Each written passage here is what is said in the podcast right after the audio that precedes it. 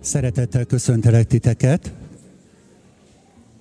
Gyertek bátran, gyertek, nehogy lemaradjatok valami nagyon-nagyon jó dologról. Köszöntöm a karzaton ülőket, köszöntöm azokat, akik itt ülnek a földszinten, köszöntöm az előtérben lévőket, várjuk őket is szeretettel, gyertek. Köszöntöm azokat, akik az interneten keresztül követik az Isten tiszteletünket, áldjon az Úr titeket is. Köszöntöm azokat, akik talán először vannak életükben Isten tiszteleten, vagy először vannak ebben az imaházban. A nagy klasszikus magyar köszöntés, ugye Isten hozott titeket, szó szerint gondoljuk, hogy Isten hozott titeket, Isten hívott titeket erre a helyre. Hát a gyülekezetünk egy nagyon-nagyon nagy esemény után van.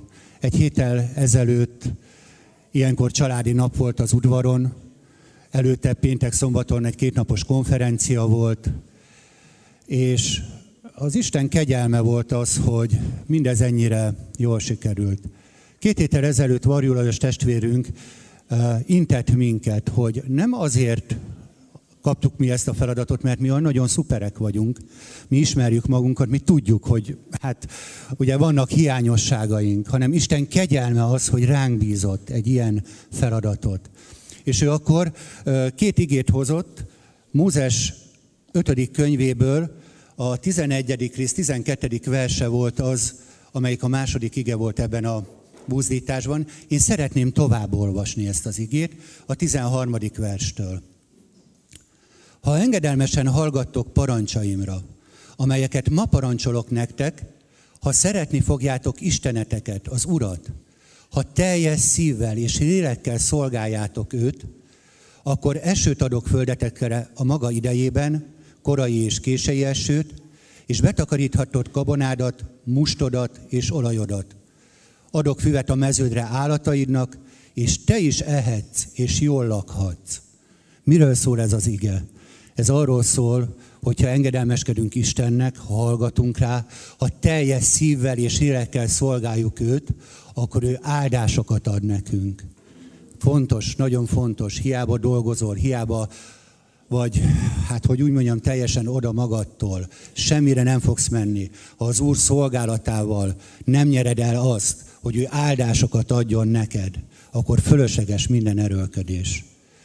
És uh, ahhoz, hogy az ember ezt egy kicsit úgy, hát helyre rakja magába, nem tudom, hogy ti hogy vagytok vele, én egy kicsit olyan büszke voltam, sikerült. Sikerült, jó volt a konferencia.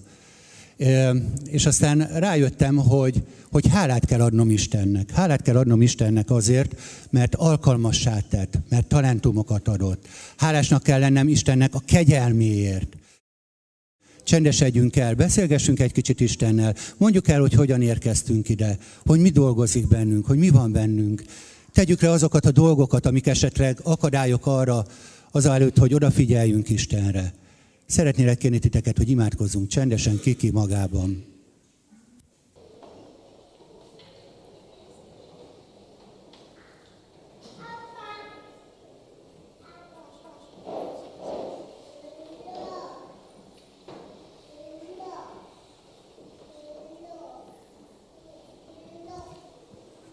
Mennyi édesatyám, magasztalunk, áldunk, dicsőítünk téged. Dicsőítünk téged mindazért, amit kapunk tőled, Uram. A sok-sok áldást, a szeretetet, a gondoskodást, a te végtelen gazdagságodból kapott dolgokat. Mennyi atyám, köszönöm azt, hogy te elküldted az Úr Jézus Krisztust, a te fiadat, Uram, és köszönöm azt, hogy ő felvitte a bűneinket a keresztre, Köszönöm, Uram, hogy ő meghalt értünk és miattunk. De Uram, köszönöm, hogy Te elküldted a szent lelkedet. Köszönöm neked azt, hogy ez a hitünk, ez összefog minket. Köszönöm neked a gyülekezet közösségét. Köszönöm neked a testvéreket. És köszönöm neked, Uram, ezt a lehetőséget, ezt az alkalmat, ezt a kegyelmet, hogy jöhetünk, és Isten tiszteletben közösséget vállalhatunk, közösségben lehetünk veled, imádhatunk téged, dicsőíthetünk téged. Köszönöm, Uram, hogy szólsz hozzánk. Köszönöm, Uram, mindazt, amit kapunk tőled életünkben és ezen a mai délelőttön. Mennyi, Atyám, Te látod, hogy hogy jöttünk ma ide. Látod, hogy ki, ki miből érkezett. Ki az, aki el van keseredve, meg van szomorodva. Ki az, aki elfáradt, megfáradt. De Uram, látod azokat is, akiknek öröm van a szívében. Mennyi, Atyám, egy testként, egy népként jövünk most eléd. Mennyi, Atyám, áld meg ezt a mai Isten tiszteletünket. Szólj hozzánk, beszélgess velünk. Az Úr Jézus Krisztus nevében. Amen. dicsért,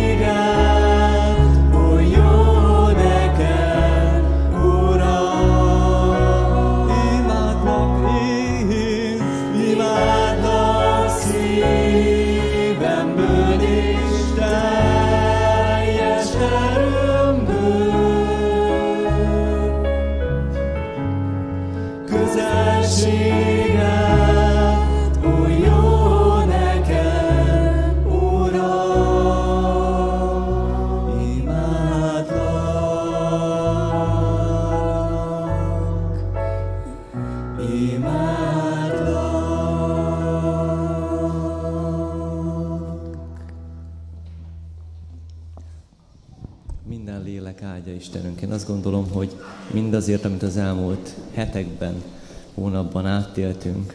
Imádhatjuk, dicsérhetjük igazán őt.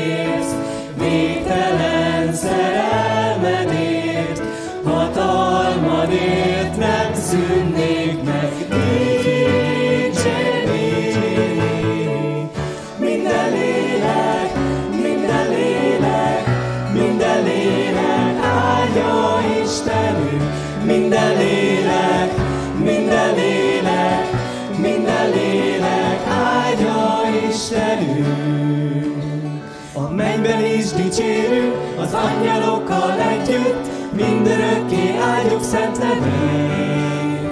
A földön is dicsérjük, a teremtésre zengünk, minden népnek hirdetjük neved.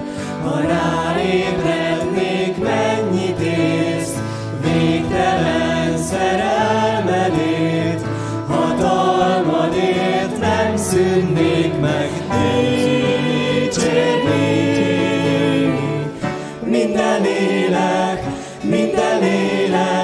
minden lélek áldja Istenünk, minden lélek, minden lélek, minden lélek áldja Istenünk, minden lélek, minden lélek, minden lélek áldja Istenünk, minden lélek, minden lélek, minden lélek áldja Istenünk.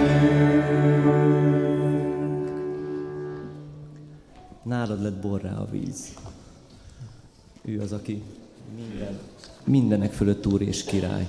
A víz fölött is, a bor fölött is, az életünk fölött is. Azt mondják, nem lesz kutyából szalonna. De itt Molnár Robert egy pár évvel ezelőtt azt mondta, hogy Isten országában a, csak kutyákból lesznek szalonnák.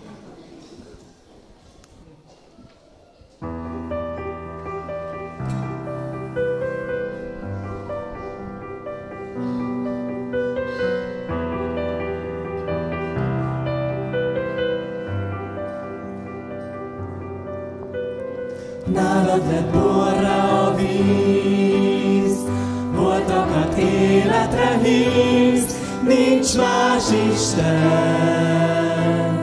nincsen más. Te ragyogod be az ényt, te hozod el a reményt, nincs más Isten,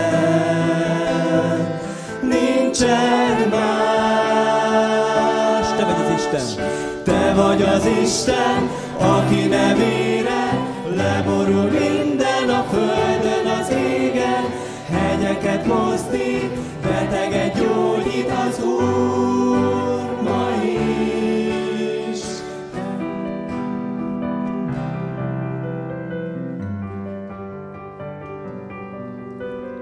Nálad lett borra a víz, holtakat életre hívsz, más Isten, nincsen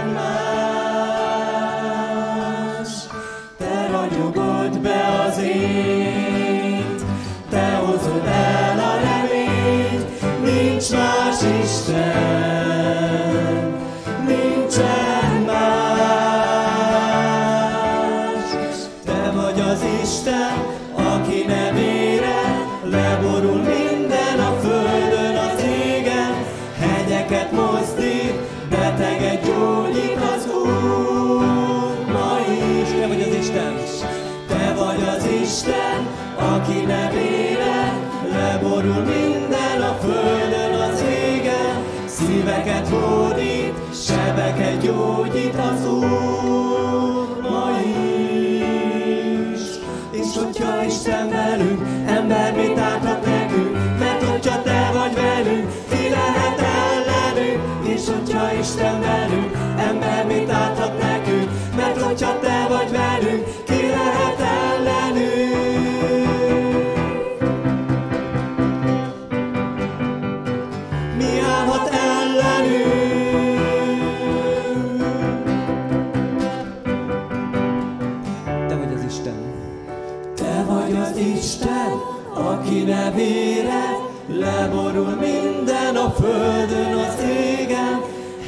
hegyeket mozdít, beteget gyógyít az Úr ma is. Te vagy az Isten, aki nevére leborul minden a földön, az égen, szíveket hódít, sebeket gyógyít az Úr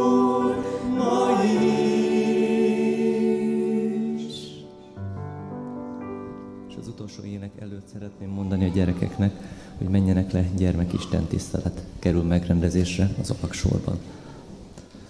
Mi pedig énekeljük el azt az egyik éneket, amivel teljesen oda tudjuk adni a kezünket, lábunkat, szívünket, szájunkat Isten imádatára, dicséretére. Nekem nincs más rajtad kívül Jézus. Szívünkből mondjuk el, csak érte, és ő általa élünk.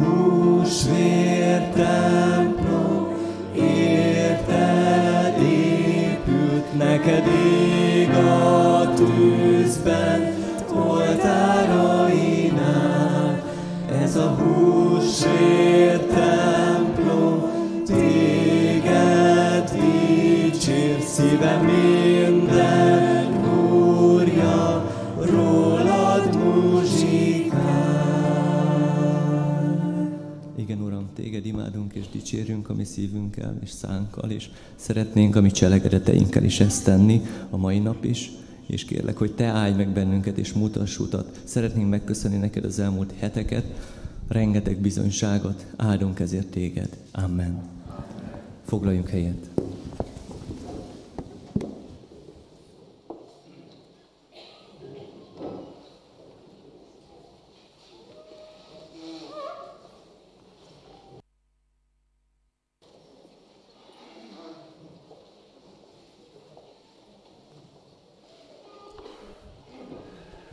Köszöntelek szeretettel benneteket ezen a vasárnap délelőttön. Eh, Az ég nagy, nagy szenvedésem az, amikor szeretném az Urat dicsőíteni, és nem tudom, mert nincs hangom. Tegnap délután Jász Jákó halmán voltam, egy kis gyülekezetben, ahonnan hozom a köszöntést, és van egy olyan szokás ezekben a gyülekezetben, azt mondják, hogy megyek, akkor Sámel, ha jössz, akkor kettőt kell prédikálni, ez nem lehet csak úgy, hogy egyet. Úgyhogy délután háromtól volt egy istentiszteletünk, aztán volt egy ilyen étkezési szünet, aztán megint egy istentisztelet. De talán a, leg, a leg, legáldottalabb dolog az volt, hogy a két előjáróval tudtam este beszélgetni, akik a civil munka mellett folytatják a missziót, és ők vezetik ezt a gyű- kis gyülekezetet, és úgy hiszem, hogy ott oly- olyasmi történt köztünk, amit Isten lelke generált. Úgyhogy eh, beszélni tudok. És eh, két történet dolgozik bennem, és a mai igehirdetés egy kicsit rendkívüli vagy rendhagyó lesz abban, hogy nem egy klasszikus igehirdetés lesz, hanem többször megszakítjuk imádsággal. Jó? Tehát mindjárt meg fogjátok érteni, miért. Egy elég érdekes szakasz van most egy gyülekezetünk mögött, és gondoltam, hogy picit, hogy megállunk, és majd egy ilyen háladó ima között. Mai ima buzdítás lesz az egész délelőtt. Igen, hirdetésbe csomagolt ima buzdítás, jó? Két történetet olvasok fel, foglalkoztunk ezzel már hétfő este, csak utaltunk rá. A Márk evangélium a hatodik részét keresétek meg. Márk evangélium a hatodik részét, és egy nagyon jól ismert történetet olvasunk itt fel, Márk evangélium a hatodik részéből. Hmm. A 35. verstől. De amikor az idő már későre járt, oda mentek hozzá a tanítvány, és ezt mondták neki, lakatlan helye ez, és az idő már későre jár. Bocsásd el őket, hogy a környező tanyákra és falvakba menve ennivalót vegyenek maguknak. Ő azonban így válaszolt nekik, ti adjatok nekik enni. De ők ezt mondták neki, talán mi menjünk el, és vegyünk 200 dénárért kenyeret, hogy enni adhassunk nekik? Jézus megkérdezte tőlük, hány kenyeretek van? Menjetek, nézzétek meg. Amikor megnézték, ezt mondták, öt kenyerünk van, meg két halunk.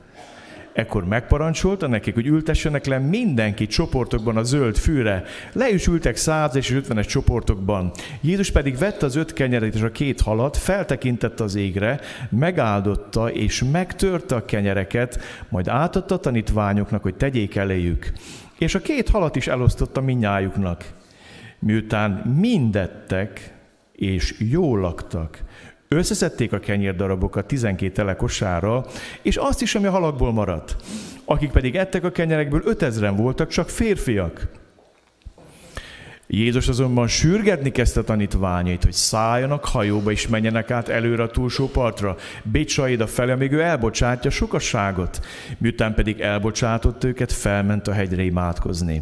Amikor beesteledett, a hajó a tenger közepén volt, ő pedig a parton egyedül.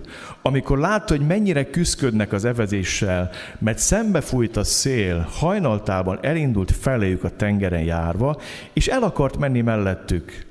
Amikor meglátták őt, amint a tengerján, azt hitték, hogy kísértet, és felkiáltottak, mert minnyáján látták őt, és megrettentek. De azonnal megszólította őket, és ezt mondta nekik, bízzatok, én vagyok, ne féljetek. Beszállt hozzájuk a hajóba, és elült a szél. Ők pedig szerfölött csodálkoztak magukban, mert a kenyerekből még nem okultak, és a szívük kemény maradt. Lapozatok a Lukács 9-hez, jó, és akkor megnézzük a másik történetet, és aztán utána kibontjuk, és ennek alapján fogunk többször is imádkozni. Lukács 9, 28. E beszédek után mintegy nyolc nappal Jézus maga mellé vette Pétert, Jánost meg Jakabot, és felment a hegyre imádkozni. Imádkozés közben arca elváltozott, és ruhája fejéren tündöklött, és ime két férfi beszélt vele, Mózes és Illés, akik dicsőségben megjelenve élete végéről beszéltek, amelynek Jeruzsálemben kell beteljesednie. Pétert és társét pedig elnyomta az álom. Amikor azonban felébredtek, látták az ő dicsőségét, és azt a két férfit, akik ott álltak vele. És amikor azok távozni akartak tőle, ezt mondta Péter Jézusnak, Mester, jó nekik itt lennünk. Készítsünk három sátrat, neked egyet, Mózesnek egyet, és Élésnek egyet, mert nem tudta, mit beszél. Alig, hogy ez kimondta felhő támat, és beárnyékolta őket. Nagyon megrémültek, amikor a felhőbe kerültek, és hang hallatszott a felhőből. Ez az én fiam, akit kiválasztottam. Reá hallgassatok. Amikor a hang hallatszott, Jézust egyedül találták. Ő pedig hallgattak, és azokban a napokban senkinek nem mondták el semmit abból, amit láttak. A következő napon, amikor lejöttek a hegy eléje, és ekkor egy ember így kiáltott a sokaságból, Mester, kérlek tekints a fiamra, mert ő az én egyetlenem.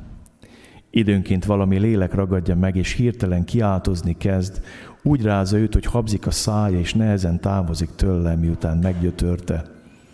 Megkértem tanítványaidat, hogy űzzék ki, de nem tudták. Jézus így szólt, Ó, hitetlen és elfolyult nemzedék, meddig leszek még veletek, meddig szenvedlek még titeket? Vezesd ide a fiadat. Még felé tartott a fia, amikor letepert az ördög és megrázta. Jézus azonban ráparancsolt a tisztátalan lélekre, meggyógyította a gyermeket, és vissza a tapjának. Minnyáján elámultak Isten nagyságán. Magasztalunk, Uram, az elmúlt hétvégéjét. Magasztalunk az azt megelőző majdnem öt hónapért, vagy négy hónapért. Kinek mikortól jelentett készülést, nem tudom, de dicsőtlek téged azért, amit láttunk, amit megmutattál magadból, Dicsőítek téged azért, hogy megragyogtál a gyülekezetünkön is. Jó volt ezt látni, hogy a dicsőséget, ami téged ragyog, annak a fényéből rávetül valami a ti gyermekeidre. Köszönjük ezt neked. És ma azért vagyunk itt, hogy visszaadjunk neked mindent, mindent. Azért vagyunk itt, hogy megvalljuk azt, hogy nem vagyunk mi méltók arra, hogy bevonja te munkádba. Nagyon nagy megtiszteltetésnek tartjuk, Uram, ha bármilyen eszközeid lehetünk. És most szeretnénk téged imádni és dicsőíteni, és a te nevedet fölemelni. Köszönöm, Uram, hogy itt vagy, hogy cselekedni fogsz ezek által az ígék által. Amen. Mindenkelőtt fejezzem ki felétek a mélységes hálamat és örömömet. Sokan kérdezték, Krisztiánnal találkoztam félúton Szegeden, mert nem tudtunk itt beszélgetni, olyan zsúfolt volt az idő, aztán megegyeztünk, hogy majd találkozunk a héten. És ők már elég rég csinálják az ilyen konferenciákat, kicsit több tapasztalatuk van, mint nekünk. És azt mondta, hogy annyira jó volt látni, ő mondta kívülállóként, aki kívülről látta, hogy a gyülekezet, mint egy hadsereg, együtt van, felsorakozik, szolgál. És hadd mondjam itt el nektek, megvártam ezt a vasárnapot, nem akartam ott a tömeg előtt nektek megköszönni, itt szeretném megköszönni a magunk otthonában, hogy engedelmeskedtetek Istennek, hogy nem egy embert követtetek, hanem az Úr Jézus követétek a szolgálatban. És hálás vagyok azért sok-sok testvérét, aki mindenfélét csinált, vendéget fogadott, szervezett, regisztrált, WC-t takarított, szemetet gyűjtött, sátrat állított, légvárat állított, légvárat csomagolt. Nem tudnám én felsorolni azt, az, vagy jött éjszaka őrizni a sátrat. Az egyik legkedvesebb pillanatom a vasárnap hajnal volt, bementem négykor, ott van két őrtestvér, mondom, gyertek, eljött az időnk, hogy imádkozzunk, kiáltsunk Istenhez. Nagyon hálás vagyok az Úrnak. És köszönöm, hogy az Úr értettétek az ő dicsőségére. De hadd mondjam nektek, hogy eh, a mi imázunknak van egy csúcsa, és a csúcsában van egy kereszt, és nagyon szeretem a sötétben nézni ezt az imaházat, mert egyetlen pont, ami ez az imaházon ki van világítva, ez a kis csúcs. Innen van egy kis ég, amit Szabó Gyula fölszerelt, nagyon hálás vagyok érte, és oda fölfele világít. És ha kívülről nézed az imaházat, akkor olyan, mint egy nyílnak a hegye. Egy nyílnak a hegye, ami fölfele mutat. És a ma délelőtt igazából arról szól, hogy mi szeretnénk mindenért őt dicsőíteni, mindenért őt magasztalni, mindenért őt imádni. Azért tudtunk, hogy az ő nevét felemeljük, azért, amit végzett köztünk. Az a cím a mai ígéretésnek vagy tanításnak, hogy landolás a hétköznapokba. Mindjárt meg fogjátok érteni, hogy miért. Most megyek tovább, és hadd szóljak nektek arról, hogy egy nagyon különleges időszak után van a gyülekezetünk, vagy egy időszakban. Több mint két és fél év elindultunk egy úton. A, az Isten központú gyülekezetnek az útján. Szeretnénk, ha ő mindig középen lenne, megdicsülne közöttünk. És azóta szeretnénk, ha gyülekezetünk egyre inkább Isten központú lenne. Ha ő mutatkozna meg az ő hatalmazó dicsősége mindenben, amit teszünk. Valaki azt mondta nekem, hogy nem 2018 januárában kezdődött el. Mondom, én úgy tudom, hogy 2017 januárjában. Neki kiesett egy év. Azt is tudom, hogy miért. Szerintem később ő is rájött. De, de, de, de kiesett az év, és azt mondja nekem, hogy Sába, én most kezdem megérteni, hogy ez miről szól. Lejött Aradra egy másik ilyen konferenciára, és azt mondja, hogy kezd, kezdem érteni, hogy ez miről szól. És olyan jó volt, mikor azt mondta, hogy figyelj, lemondom a hétvégi kikapcsolódás, nyaralás, nem érdekel, hogy mennyit veszítünk, itt akarok szolgálni a konferencián. Valamikor valaki mindenki felismeri, remélem a gyülekezetből, hogy mit jelent az, hogy vertikális gyülekezet. És hadd mondjam nektek, hogy mindeközben, miközben benne vagyunk egy változásban, vala, hogy Isten elhívott minket, hogy valamit olyat osszunk meg másokkal, amit mi is csak tanulgatunk. amiben mi is csak gyerekcipőben járunk. Ez a furcsa, nem? Nem tudom, érzékelitek? Hogy én már azon kattog az agyam, hogy hogyan lehet a látást továbbvinni a gyakorlatban. Még rengeteg dolog van útál előttünk, és az előttem levő időszak foglalkoztat. De miközben mi változunk, és szeretnénk változni folyamatos Isten dicsőségére, szeretnénk ezt megosztani másokkal, továbbadni. Úgy gondolom, hogy az elmúlt öt hónap az egy olyan út volt, ahol egy felkészülés volt egy, egy repülőutazásra. Azért mondtam, hogy landolás a hétköznapokban, Úgy képzeljétek az elmúlt négy-öt hónapot, hogy ez olyan, mint egy hosszú útra készítesz fel egy repülőgépet. Műszakiztatod, vizsgáztatod, feltöltöd, mindenfélével bebiztosítod az útra. És aztán, amikor már felkészítetted hosszan azt, hogy repülőgép biztonságot tudjon menni, akkor nagy ez a gép mit csinál? Fölszáll. És azt kell mondjam nektek, hogy nagyon rövid volt az utazás. Mindössze három nap. Öt hónapot készítettük a gépet, három napot repültünk, nem? Hát ez egy kicsit olyan furcsa, aránytalannak tűnik. És mégis azt mondom nektek, hogy ehhez tudom hasonlítani. Hogy volt egy készülésünk egy hosszú utazásra, van, aki ezt már öt hónapja kezdte, van, aki az utóbbi hetekben kapcsolódott be intenzívebben, aztán felszállt a gép, és aztán minden normális gép egyszer leszokott szállni, nem? Nem zuhanni, szállni. Ezt hívják landolásnak. És hadd mondjam nektek, ezért szól a mai ige a hétköznapokban való landolásról. Nagyon-nagyon fontos, hogy egy gép ne csak felszállni tudjon, hanem leszállni is. És egy gép életében legalább olyan fontos a felszállás, mint a leszállás. Ha nem tud leszállni, az tragédiába torkolik. És hadd mondjam nektek, nemrég Moszkvában volt egy ilyen tragédia, emlékeztek rá, amikor kényszerleszállást hajtottak végig, és csak az utasok fele élte túl a leszállást. Néhányszor repültem már, és ültem repülőgépen, nem kezdtem el számolni, hogy hányszor, de egy dolgot megfigyeltem. A leszállásban mindig belerázkodik a gép. Én nem ültem olyan repülőgépen, ami nem rázkódott fenn meg akkor, amikor letették. Nem lehet úgy letenni egy repülőgépet a földre, hogy az utasok azt ne érezzék meg. Ez törvényszerűség. És úgy gondolom, hogy ez igaz az elmúlt időszakra is. Átéltünk Istennel csodálatos dolgokat, magaslatokat, áldásokat, csodákat, de legyünk nagyon őszinték, amikor vissza kell szállni a hétköznapokba, le kell tenni a gépet, aki picikét úgy mit csinál a gép? Vagy erősebben, vagy kevésbé erősebb, mit csinál? Megrázkódik, fékez, nagy zaja, robalja. Hadd mondjam el nektek, hogy mit érzek a gyülekezeten. Egészséges fáradtságot. Ugye? Egészséges fáradtság, de mélységes hálát és örömöt, hogy Isten bevont minket az ő munkájába. Láthattuk az ő szépségét és az ő dicsőségét. És az az egy kérdés foglalkoztat engem, hogy hogyan tudunk visszatérni a mi gyülekezetünk hétköznapjaiba úgy, hogy kevésbé rázzon. Volt, akinek elég kemény volt, volt, aki kőkeményen lebetegedett hétfőn. Volt, aki konferencia alatt kibejárt a kórházba gyerekeivel. Voltak, akik már alatta átéltek szellemi harcokat és támadásokat. Nem mindenkinek ment ez olyan flottul, olyan simán. Valamilyen módon mindenki megélte ezt.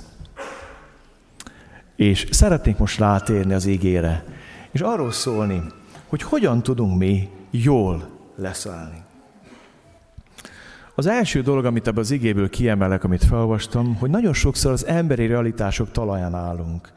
Lakatlan helyez is, az idő már késő jár, bocsásd el őket, hogy a környező tanyákra és falvakban menve ennivalót vegyenek maguknak.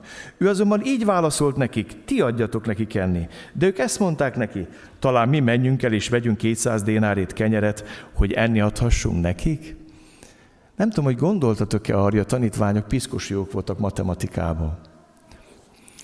A 200 dénár az körülbelül 8 hónapi kőkemény kereset volt abban a korban.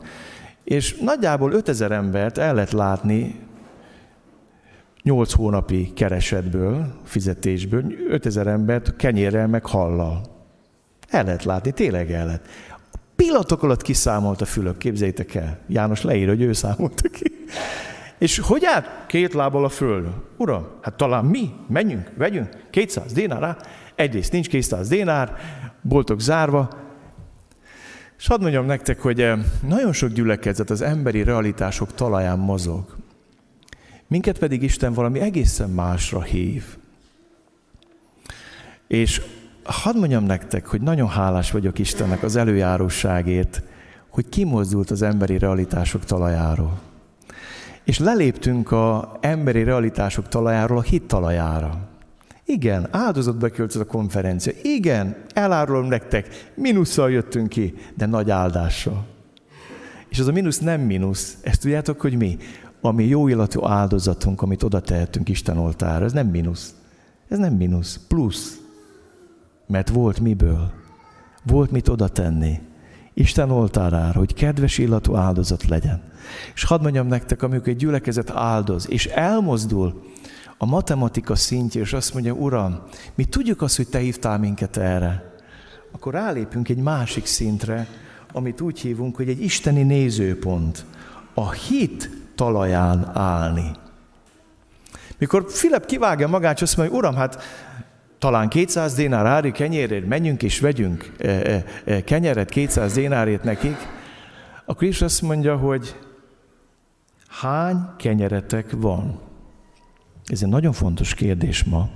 Második, menjetek, nézzétek meg. Amikor megnézték, tudjátok, mit tanultam ebből az égéből? Ezek a tanítványok, akármilyen tanítványok voltak, engedelmeskedtek Jézusnak. Nagyon sok gyülekezet előre rávágja azt, hogy semmink nincs. Ők is rávághatták volna. Jézus nem azt mondja, gyerek. Fülöp, tudom, hogy nincs 200 Nincs, nyugi. Én is tudok matematikát. Én teremtettem a világot, mellesleg a matematikát is. Tudok számolni, mondja Jézus. De van egy gond. A gond az, hogy nem azt kértem, hogy menj el venni 200 jelenket. Én azt kérem most tőled, hogy mi az, amit van.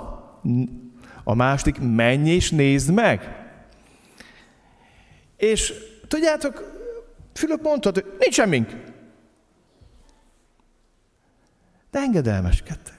És elkezdtek keresni. Azért vicces volt ez a keresgélés, nem? Próbálom elképzelni, 12 tanítva. Van valakinek kenyere? Van valakinek kenyere? Van valakinek kenyere? Van valakinek kenyere? 5000, na, a szénakazalba keres meg a tűt, jó? És nem volt erősítő rendszer, meg hangos bemondó, meg mit tudom én még. Én nem tudom, hogy találták meg ezt a fiúcskát, de megtalálták. Kiderült, hogy nekik nincs, de kiderült, hogy a tömegben van. Ámen? És hadd mondjam nektek, nagyon sokszor a gyülekezetben is. Ezt a kérdést teszi fel neked és nekem Jézus.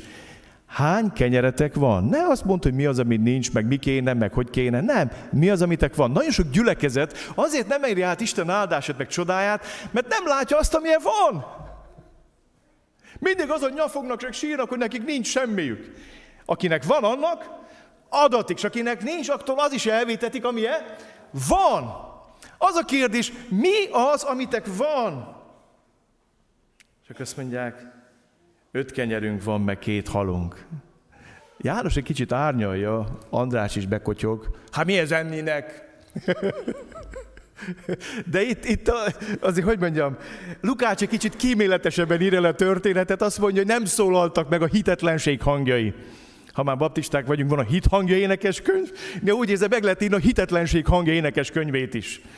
Mint ahogy volt régen a Gedoniták énekes könyv, a bátyám mondta, hogy annyi bűn történik, hogy gyülekeznek lassan meg lehet, meg lehet írni a midiániták érekét.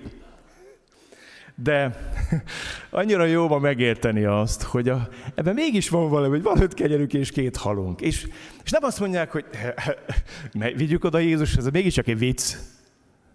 Na ne, na ne. És oda viszik az öt kenyeret és a két halat. Itt meg fogunk állni, jó?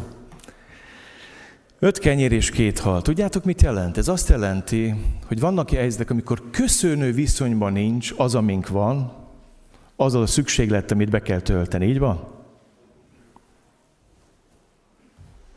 De valamit meg kell ma értsünk. Tudjátok, mit kell megértsünk? Hogy az adott krízis helyzetben az az öt kenyér és két hal, a száz százalék, amit odaadhatsz Istennek. És mikor egy gyülekezetben mindenki oda tesz az öt kenyerét és a két halát, akkor mi történik? Mi történik?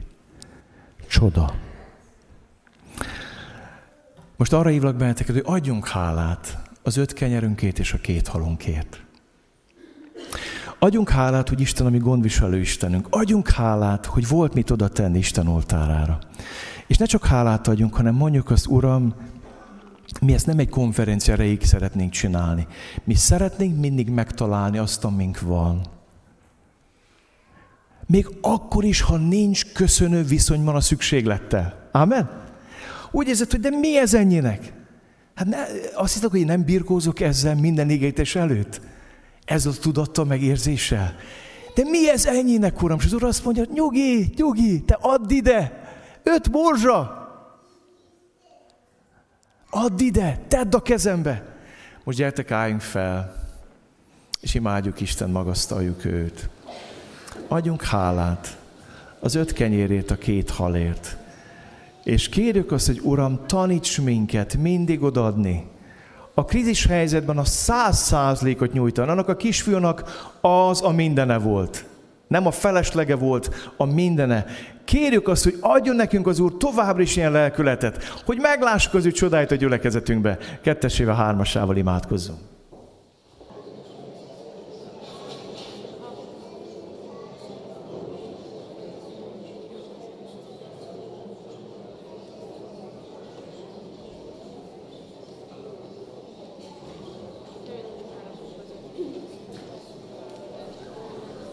Dicsőség neked, Úr Jézus Krisztus.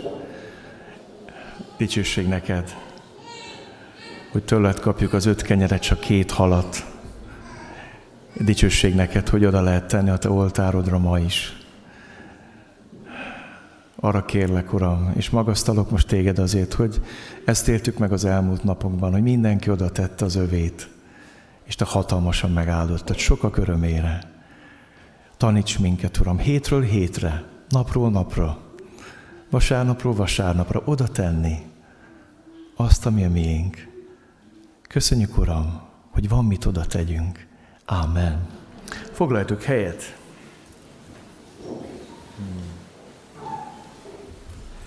Megyünk tovább, jó?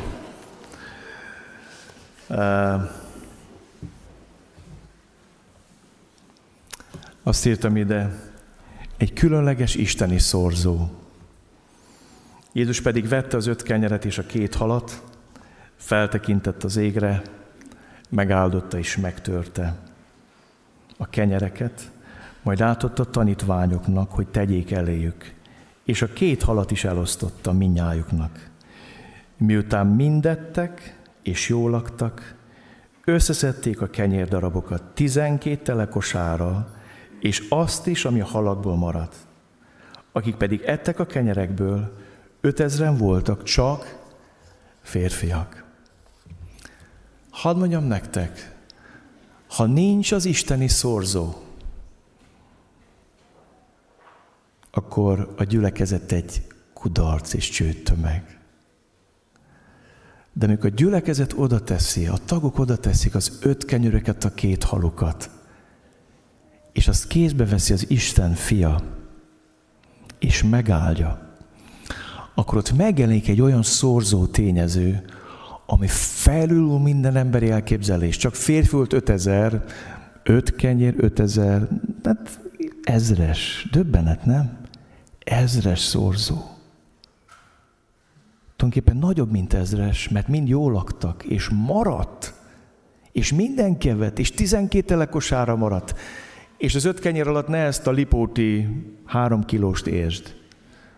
Az öt kenyér alatt tud mit érts? Ilyen lángost, öt lángost, meg ilyen sprotni, kicsit nagyobb, mint a sprotni nagyságú halak, tehát nem ilyen nagy halakat.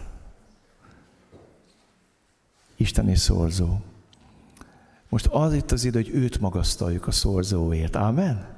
Most őt imádjuk és dicsőítjük. Már tanította nekünk a popcorn imát, most ezt fogjuk gyakorolni, fölállunk, és akit Isten lelként imára, az mondja ki hangosan, gyertek, álljunk fel, és menjen oda fel minden, az Isten felé, az a nyíl mutasson oda fel, és imádjuk őt az isteni szorzóért, amit átélhettünk az elmúlt hetekben, napokban, imádkozunk egyenként hangosan.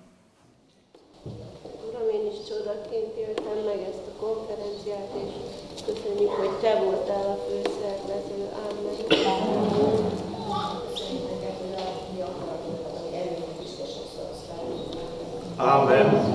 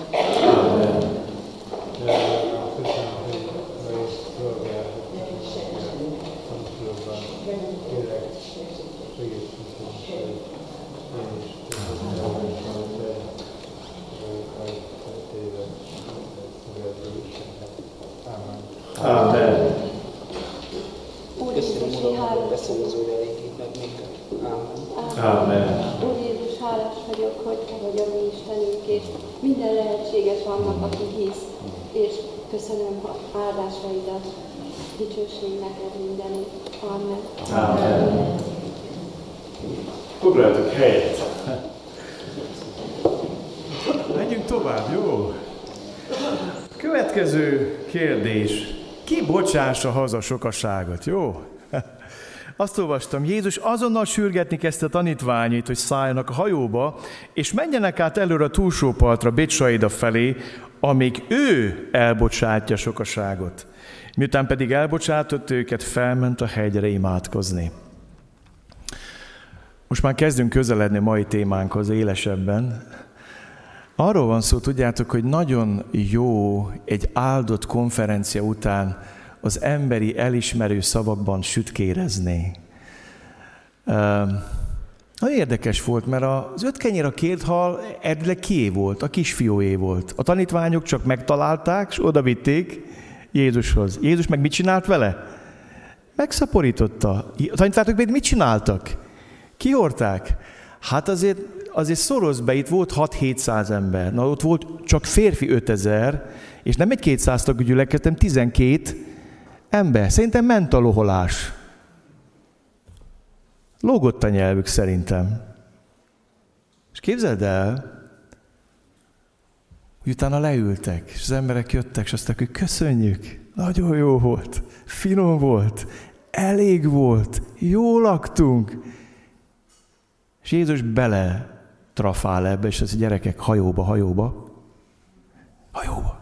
Hát miért? Mert a tömeget kinek kell elbocsátania? Kinek? Mondjuk ki? Jézus Krisztusnak. Azt mondta Flórián, volt egy megbeszélésünk a héten a szolgálatok vezetőjével, hogy mi lenne, ha továbbra is imádkoznánk ezért a 142 gyülekezetért. Mi lenne, ha nem dobnánk ki a kukába ezeket az imalistákat? Mi lenne, ha tovább vinnénk az Úr elé? Mi lenne, ha kérhetnénk, hogy mi Isten vigyesz mélyebbre, Isten cselekedjen?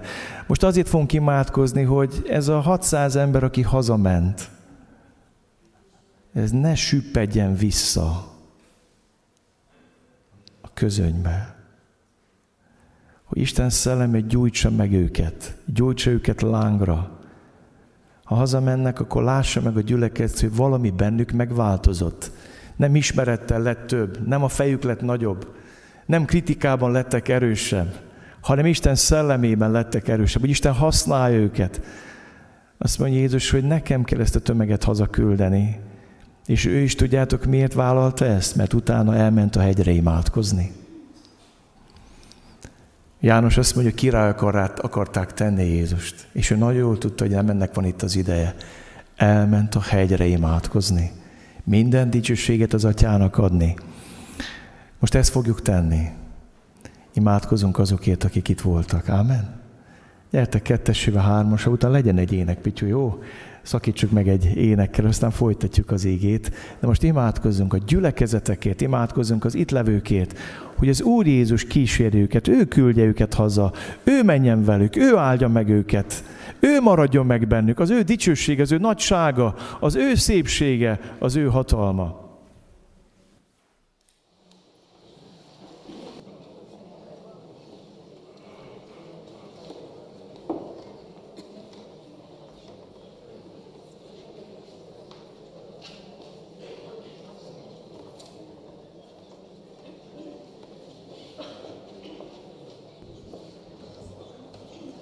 Ötvenötös hatalmas vagy, erős Isten, fennállva énekeljük.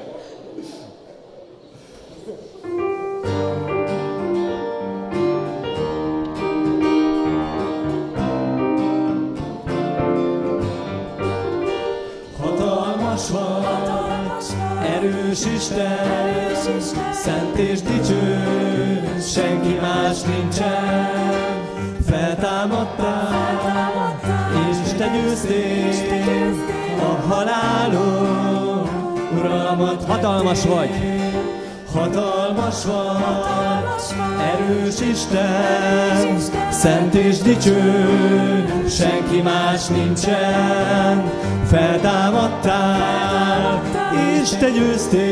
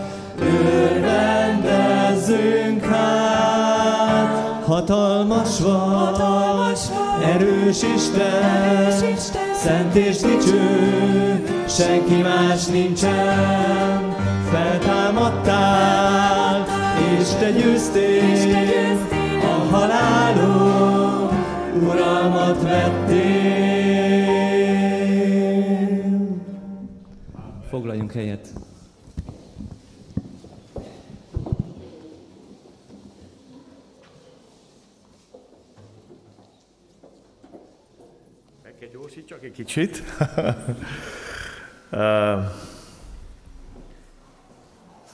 Amikor beesteledett, a hajó a tenger közepén volt, ő pedig a parton egyedül.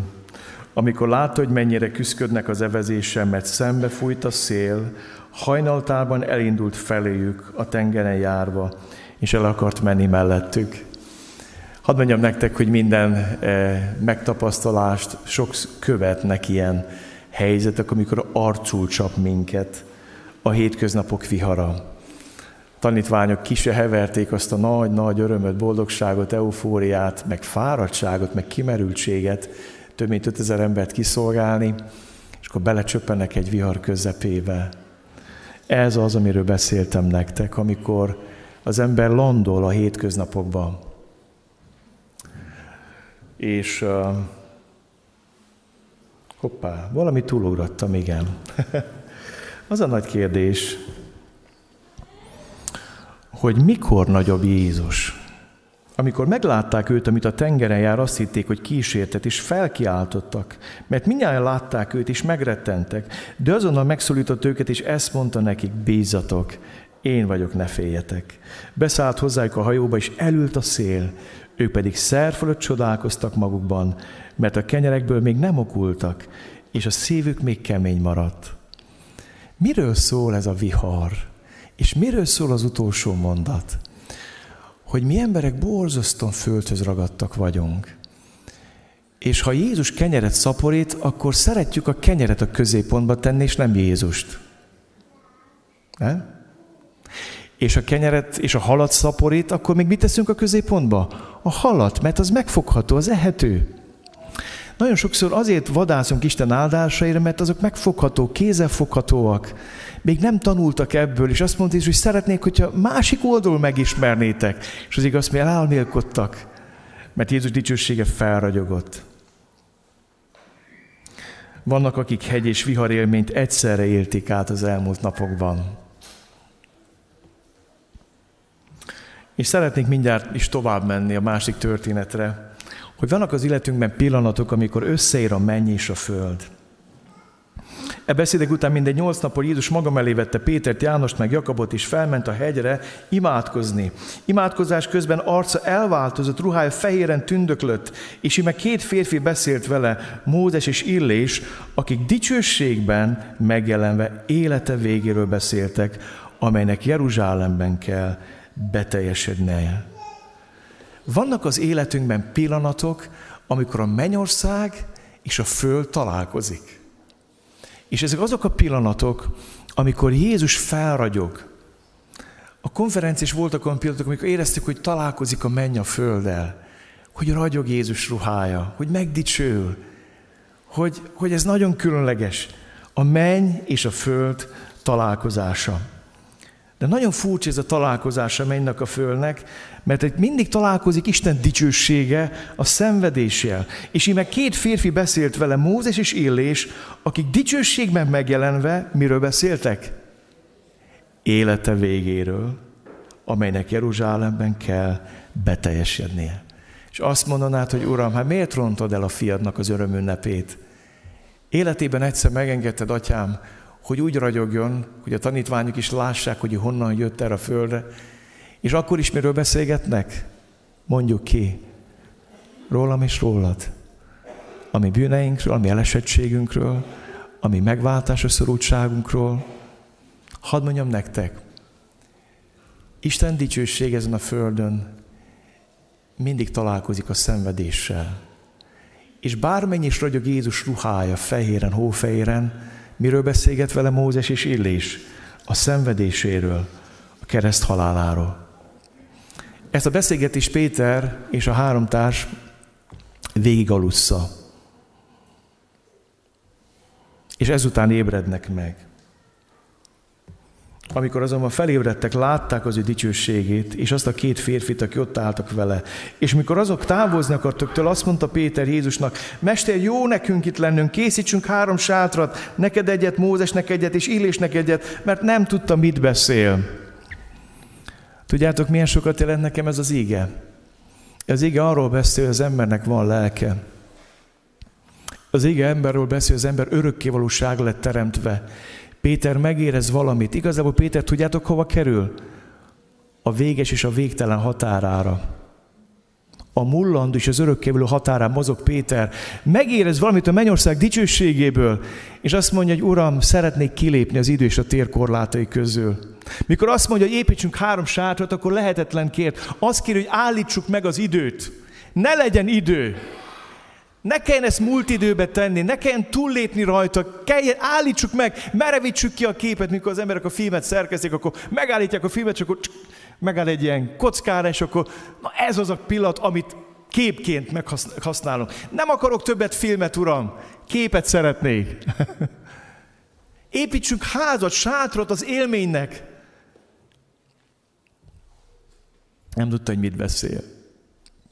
Igazából tudjátok, mi történt Péterrel? Megcsapta őt a mennyország közelsége. Megérzett valamit a mennyország, és azt mondta, hogy Uram, Olyan jó lenne ebből a földi dimenzióból kilépni és átlépni oda, ahol már nincs idő. Ahol az időben egy parányi része annak a felfoghatatlan nagyságnak és dimenziónak, amiben te mozogsz, atyám. De jó lenne kilépni. Nem tudta, hogy mit beszél. És sokszor vagyunk így. Két dolgot látok itt, amikor a végtelen a végesről beszél. Mózes, Illés, Jézus, az örökkévaló Isten fia. Az örökkévalóságba átment Illés és Mózes. Mind a, Mózest Isten temette, Illést meg Isten vitte. És hárman miről beszélgetnek? Az örökkévalóság perspektívából beszélnek a véges világnak a dolgairól, a megváltásról, a keresztről, az áldozatról, arról, hogy van szabadulás a bűnből, és felregyegben a történetben Jézus áldozat, hogy a mennyország gondolkozik és tervez, és ebben a tervben benne van a Golgotai kereszt, hogy az Isten fia megöletett bárány meghal értem és érted azért, hogy megszabadítson a bűntől. Benne vagy az Isten tervébe. Nem tudom, gondolkoztál-e már azon? Nem bírom, hogy ne evangélizáljak. Gondolkoztál már azon? Hogy örökkévalóságra lettél teremtve. Gondolkoztál-e már azon, hogy a mennyország tervezett veled? Gondolkoztál már azon, hogy a Szent Háromság Isten tervezett neked megoldást a bűneidre, a megkötöttségedre, arra a földi gyarló életre, amiben élsz? Hány éve jársz ide úgy, hogy csak hallgatod az igét? Lehet magadban kritizálod az igét is, meg azt, aki mondja, és nem térsz meg. Hadd mondjam neked, nem lesz nagyobb tragédia, mint az imász a pokolba jutni. Nincs ennél nagyobb tragédia, mint amikor az emberek Bibliával és énekesve hónok alatt mennek a pokolba, és masíroznak oda, mert nem vették komolyan. Ebben az igében látjuk azt, hogy a végtelen beszélget a végesről. És látjuk azt, amit a véges vágyik a végtelenre Péter szemében. És elérkeztünk az igétésnek egy fontos üzenetéhez. Csak akkor tudunk sikeresen landolni a hétköznapokba, ha megdicsülés hegyéről, Istentől kapott feladatokkal és célokkal jövünk le. Nekem az az érzésem, hogy Péteréke eléggé megrázkodva jöttek le. Jézus érdekes, neki sokkal sokkolóbb kellett volna legyen, mert Péterék nem kezdtek el ragyogni. Ők csak figyelték a Jézus dicsőségét. Jézus viszont átélt azt, hogy elkezd ragyogni. Neki sokkal nagyobb sokkoló élmény volt, hogy valamit visszakapott abból, amiből a mennyben volt, és le kell szállni a hegyről. Sokat gondolkoztam, hogy Jézus miért bírja ezeket jól, ezeket a nagy különbségeket. Tudjátok, hogy miért? Mert célokkal, feladatokkal és tervekkel jött le. Az Isten dicsősége nem csak úgy önmagáért nyilvánul meg, hanem mindig valamilyen célral. És amikor úgy jövünk le a hegyről, és úgy adunk hálát az elmúlt napokért, hogy Uram, de mit szeretnél velünk tovább folytatni? Mit kell tennünk tovább? Merre akarsz vezetni? Akkor sikeres a landolás. Mert akkor nem úgy jövünk, hogy na, majd egy év megint lesz valami, hanem azt mondjuk, Uram, mit szeretné ránk bízni a következő időszakban. Jézus úgy jött le a hegyről, hogy tudta, hogy mi a célja, az emberek megváltása. Mi úgy kell tovább megyünk a konferencia után, Uram, mi tudjuk, mi a célod. Ennek a városnak a megtérésre, az evangélium hirdetése, a nevednek a dicsőítése, a gyülekezőnek a növekedése, fejlődése, a te dicsőségedre építsd fel a te egyházadat. Ezzel a tervel jövünk le. Alig, hogy ezt kimondta, felhő támadt és beárnyékolt őket. Nagyon megrémültek, amikor a felhőbe kerültek, és hang hallatszott a felhőből. Ez az én fiam, akit kiválasztottam, rea hallgassatok. Amikor a hang hallatszott, Jézust egyedül találták. Nincs ragyogás, nincs felhő, nincs vakító dicsőség, de van Jézus, van megváltó, van szabadító, és megy tovább az úton a kereszt felé Jézus, hogy megváltsa ezt a világot.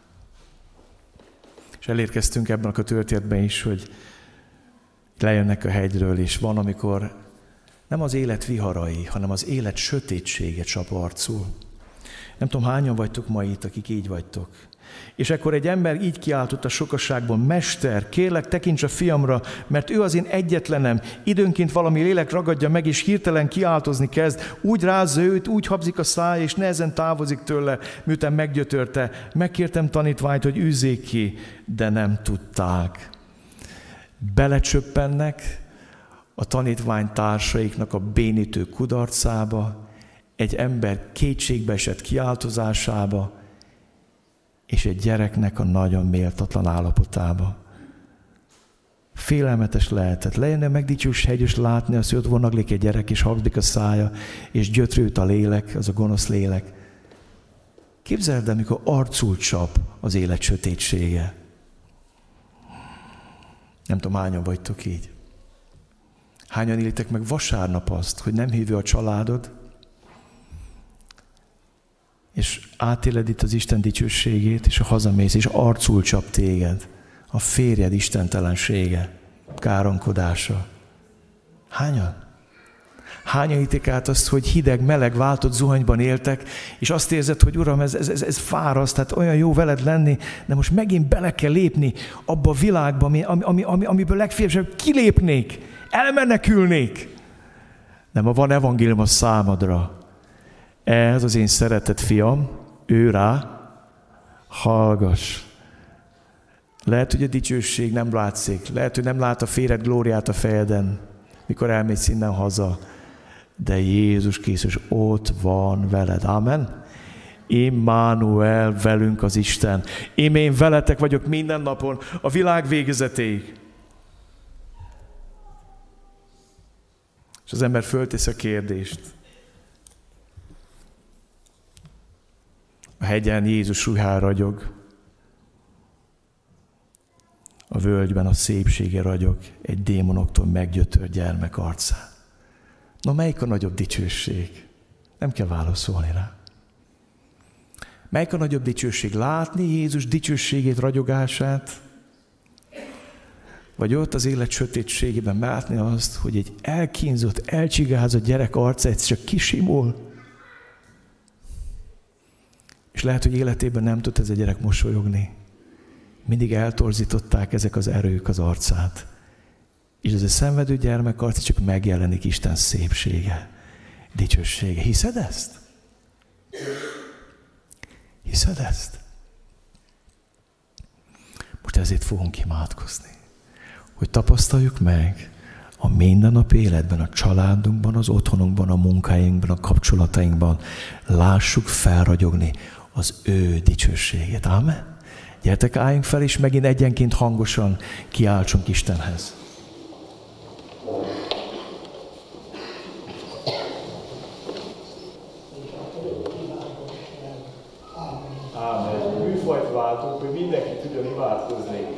Melletted levővel imádkozni, és mondd el azt a sötétséget, amiben most vagy, ahol szeretnél látni őt. Gyertek, imádkozzunk így és egy ének következik majd a bizonyságtevése.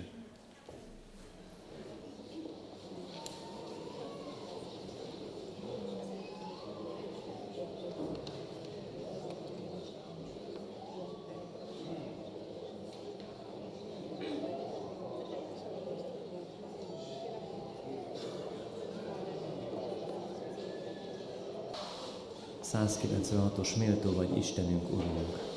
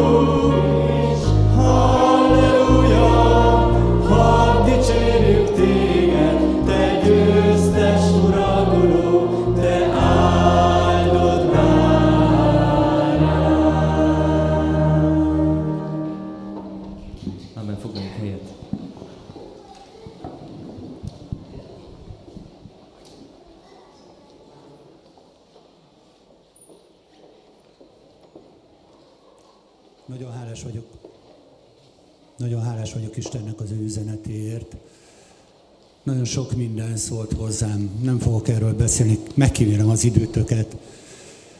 Viszont szeretném, hogyha ti beszélnétek. Azt szeretném kérni, hogy gyertek, tegyetek bizonyságokat. Felírtam itt néhány dolgot, amit a Sámuel ige hirdetése közben mondott. Áldások, csodák. Hogyha a konferencia és a családi nap alatt áldás, csodát láttál, gyere mondd el, adjál hálát Istennek érte. Hogyha öröm van a szívedben, gyere mondd el, adjál hálát Istennek ezért az örömért. Hogyha Isten az emberi realitásokból tovább mozdított téged a hit realitásába, mert realitás a hit, mi tudjuk, akkor gyere, tegyél bizonyságot, mondd el, mit végzett el benned Isten. És hogyha volt olyan pillanat, amikor te is érezted, hogy a föld és a menny összeér, hogy, hogy már szinte nem csak énekelsz, hanem Istennel beszélgetsz egy-egy dicsőítés során, hogyha volt olyan pillanat a konferencián, vagy a családi napon, amikor tudtad, hogy most Isten hozzád szólt, gyere, mondd el, adjál dicsőséget neki mindezért. Gyertek, tegyük középre Jézus Krisztust ezekkel a bizonyságtételekkel. Bátran, gyertek sorban. Én biztos vagyok benne, hogy az elmúlt napokban mindenkinek volt valamilyen egy több olyan élménye, olyan megtapasztalása, amiben Istent meglátta. Arra kérlek titeket, gyertek bátran, itt a mikrofon, adjuk kézről kézre, emeljük fel őt. És hogyha még lehet, hogy soha az életben nem jöttél bizonyságot tenni, de benned ott mozog az, hogy annyira el kéne mondani, akkor, akkor van egy jó hírem. Igen, el kell mondani, gyere te is. Gyertek, tegyetek bizonyságokat.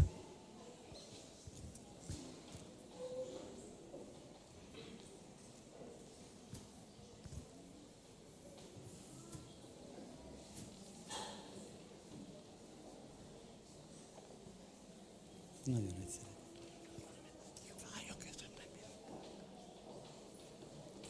Kedves gyülekezet, kedves testvérek, egy verset szeretnék elmondani.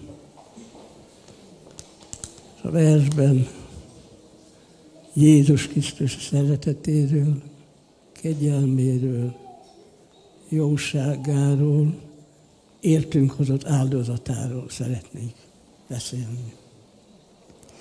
Te vagy a fény, Jézus Krisztus, Te vagy a fény, a világosság, az út, az élet és az örök igazság.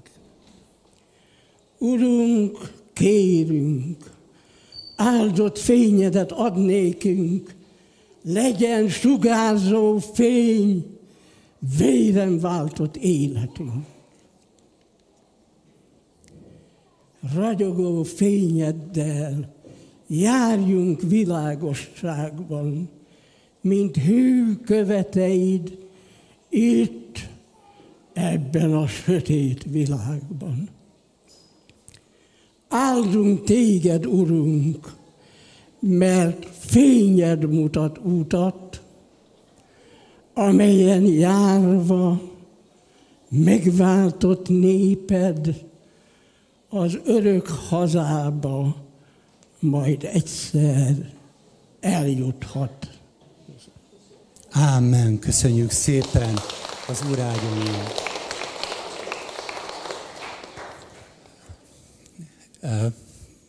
Mindig egy kicsit én nehezen szólalok meg, amikor hitben és életkorban előttem járó emberektől hallok ilyen bizonyságokat, és jó lenne, hogyha az Úr megtartana engem is, és, és én is 20-30 év múlva ugyanilyen hittel és ugyanilyen bátran tudnék bizonyságot tenni. És most rajtatok a sor, gyertek!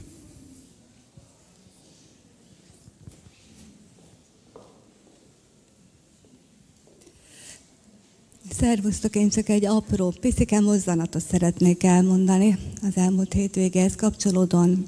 Lehet, hogy nincsen jelentősége, de én Isten választának láttam. Én is kiálltam imádkozni a fiamért. Annyi édesanyával, édesapával együtt. a vasárnapi családi napon, mikor Sámel lehetőséget adott erre is. Aznap délután a gyerek olyan boldog volt, nem tudom elmondani, arra mentem haza, hogy énekel, dalol, ugrál, bolondozik, de órákig táncolt a szoba közepén, olyan felszabadult volt, mint talán még soha. Csak ennyit akartam mondani. Dicsőség az Úrnak. Gyerekünk.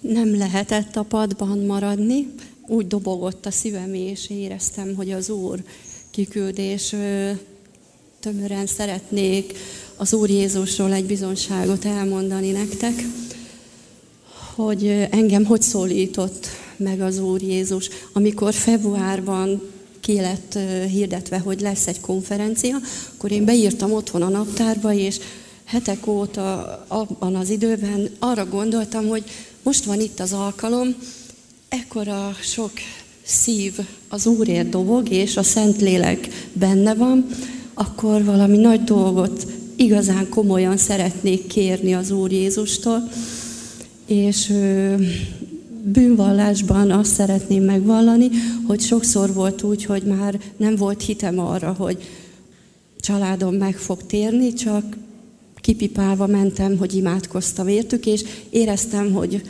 most ez alkalom lesz arra, hogy vigyem őket az Úr elé, és komolyan is gondoltam.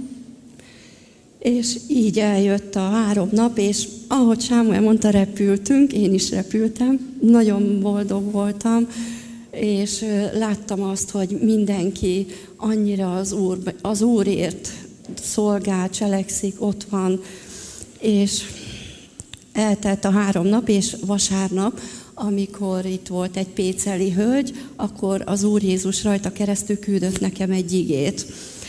És az volt, hogy parancsolt az ő angyalainak felőled, hogy őrizzenek téged az úton, amelyen jársz.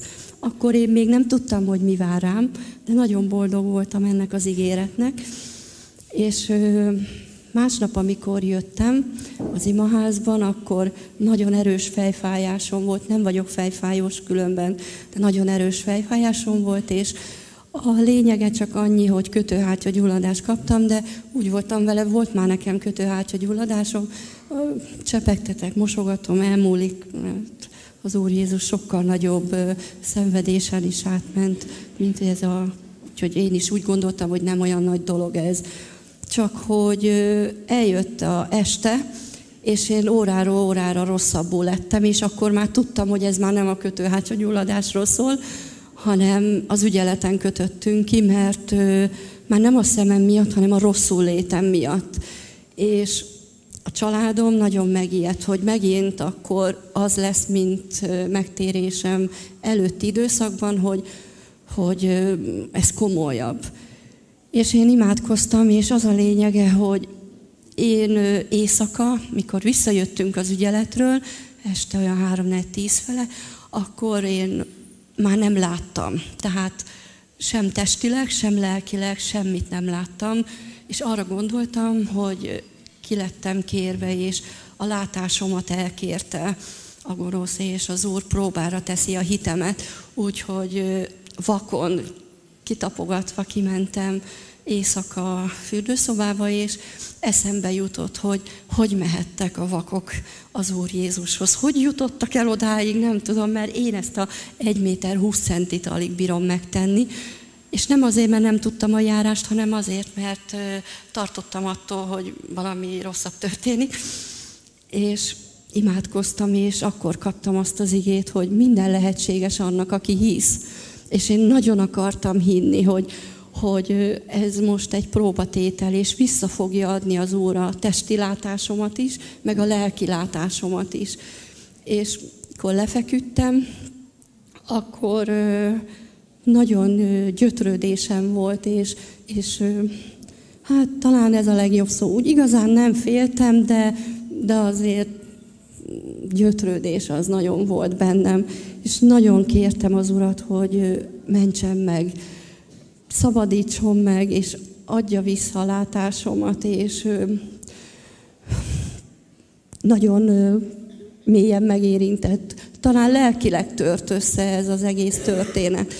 És jött az Úr, nem hagyott magamra, a mély vizekből kiemelt, és azt éreztem, hogy belül, nem kívül, hanem belül lehúzta a gennyet a szememről, és kifújtam az orrom többszörre, és másnap reggel már igazából csak könnyedzett, és estére már elmúlt. És az orvos azt mondta az ügyeleten, hogy egy tíz nap biztos lesz, mire ez a hatalmas nagy gyulladás el fog múlni.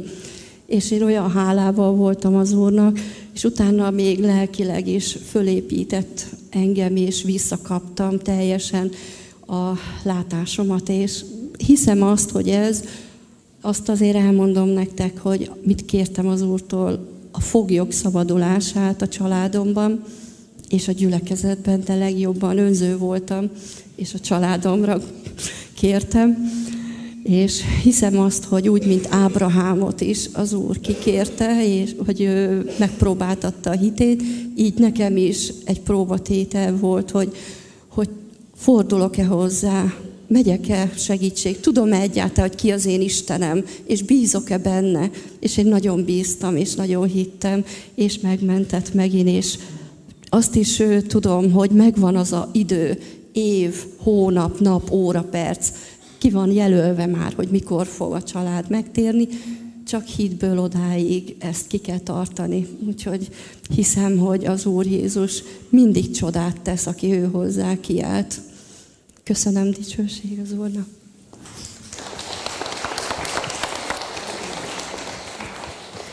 Kedves gyülekezet, nem tudtam megállni, hogy ne jöjjek ki, hogy hát jövő hét vasárnap lesz a lányom Vanda és a vőlegénye esküvője és mennyegzője, és hát nagy csodát tett az Úr a mi életünkbe, hogy ilyen drága, komoly hívő fiút kaptunk ajándékba, és hát ezt el kellett most mondanom, és szeretettel várjuk a gyülekezetet, és még azzal kapcsolatban szeretnék, hogy annyira meghatott engem nem csak a lelki táplálék mondani való itt a konferencián, hanem az is, amilyen fantasztikus rendbe ment ennyi embernek az étkezése, a kávézása. Szóval nekem nagy reménységet ad, mert vannak izgalmak ugye azzal kapcsolatban, hogy mennyien leszünk, és hogy hogyan alakul. És, és hát ha az Úr lesz a főszervező, akkor nem lesz gond. Köszönöm szépen.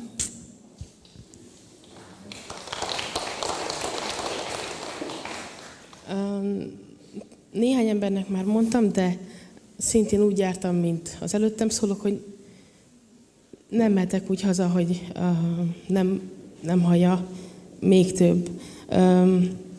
Van egy, csak egy gondolat foszlányom, szerintem itt hallottam a gyülekezetben pár hónapja, hogy a lényege az volt, hogy de a Jehova tanúi kint vannak, ha esik, ha fúj, minden időben is.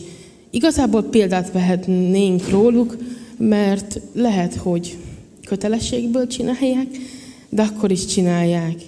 És valahogy ezt tapasztaltam meg én eh, vasárnap, nem azt, hogy kötelességből, de az jutott eszembe, hogy hát ezek rosszabbak voltak, mint a Jehova tanúi, úgy elkaptak engem. És nagyon, nagyon, ó, nincsen rá szó. A vasárnap délután én pakoltam a, az alaksorba, és csak azzal voltam elfoglalva, hogy, hogy minden a helyére kerüljön. És a semmiből ott termett két nő a gyülekezetből, hogy jöttünk imádkozni, érted? Én meg azt se tudtam, hogy most mié? Meg most mi van? Meg amúgy is én nem ezzel vagyok most elfoglalva, hanem már két órája az alaksor pakolom, és még mindig nincsen a helyén. És um, félrevonultunk, és um, addig kérdeztek, amíg arra a kérdésre nem válaszoltam, hogy na, most akkor mondd meg, hogy hogy vagy, de tényleg hogy vagy, hogy tudunk úgy imádkozni, érted, hogyha nem tudjuk, hogy mi van. És akkor is ott szerintem nagyon megkönnyeztem ezt a, a, az alkalmat, és elképesztő volt azt tapasztalni, amikor én úgy érzem, hogy igazából csak csinálom a dolgomat, mert ez, de, de nagyon gyenge vagyok lelkileg, elkap két ember, mint egy védőháló, és, és ott vannak, és a semmiből ott vannak.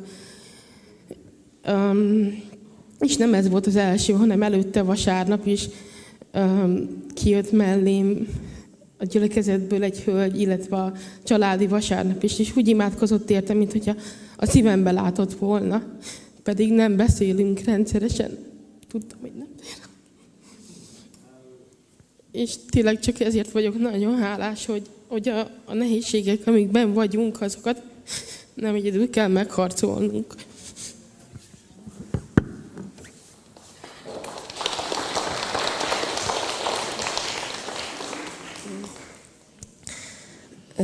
Megint szólított Isten, hogy indított úgy, mint indít, pedig szóval én nem szeretek ide kijönni, és máskor is volt úgy, hogy amikor itt kint álltam, akkor tudtam meg, hogy mit kell mondanom.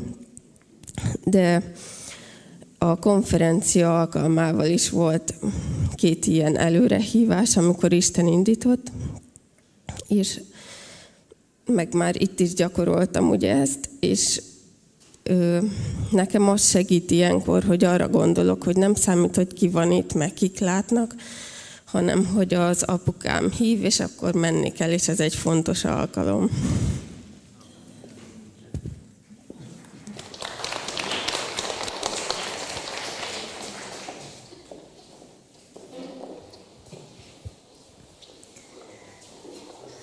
El szeretném mondani, hogy mennyire hálás vagyok Istennek. Hálás vagyok, hogy ebbe a gyülekezetbe találtunk otthonra Szabival. És köszönöm, hogy ti vagytok a testvéreim, és köszönöm, hogy együtt szolgálhattunk vasárnap. Olyan jó volt látni, hogy szinte nem is volt dolgunk, dolgom. Mindenki a helyén a helyén volt. Samuel tanította, amikor a barátkozókra jártam még, hogy a gyülekezet Krisztus teste. Ez nálunk tényleg így van. Egy egységként szolgálunk, és ez nagyon jó érzés. Szeretném megköszönni nektek, hogy tagjai lehetünk a gyülekezetnek. És még egy a kihívásról, vasárnap engem is kihívott Isten oda előre, mert a gyerekei még nincsenek benne a bárkában, és, és nagyon szeretném, ha ők is ott lennének.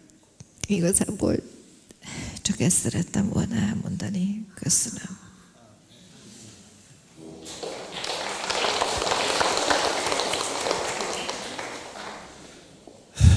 Az én bizonságom az, az nem most, nem most uh, indult.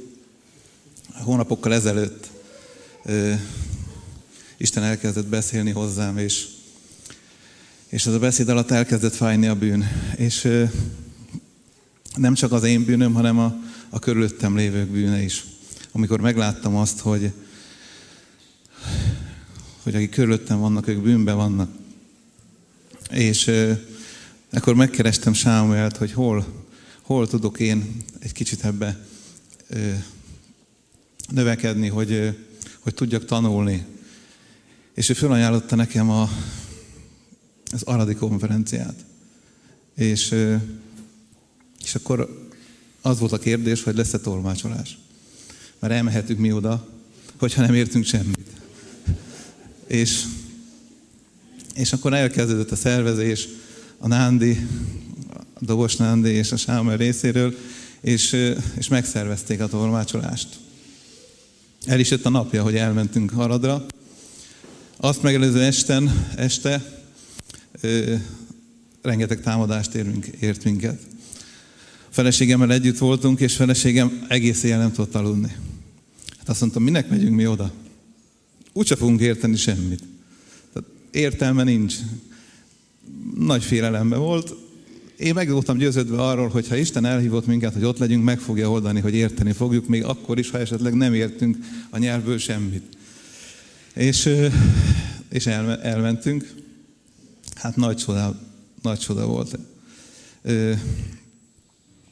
Két olyan szemináriumon vettünk részt, ami a házi csoporttal kapcsolatos.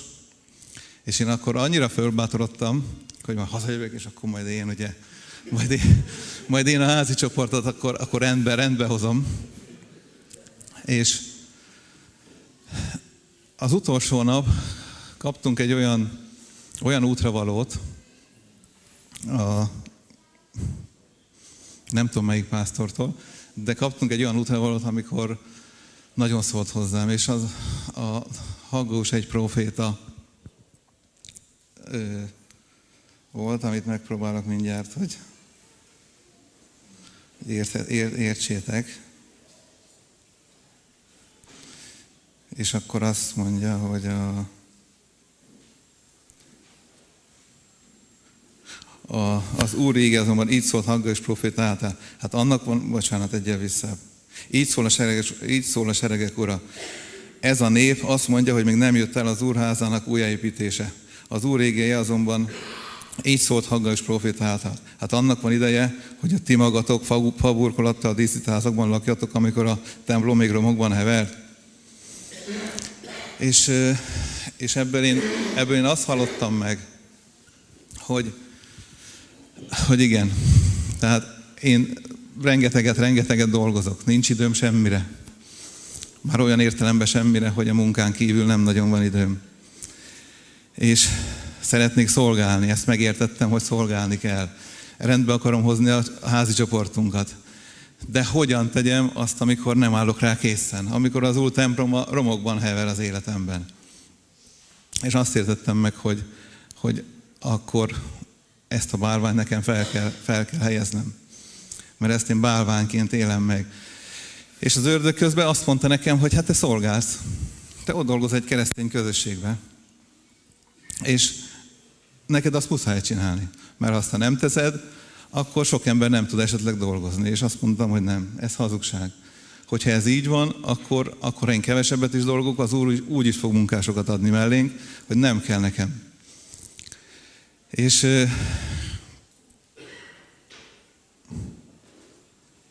és, és, eköz, és eközben elérkezett a Kecskeméti konferencia is.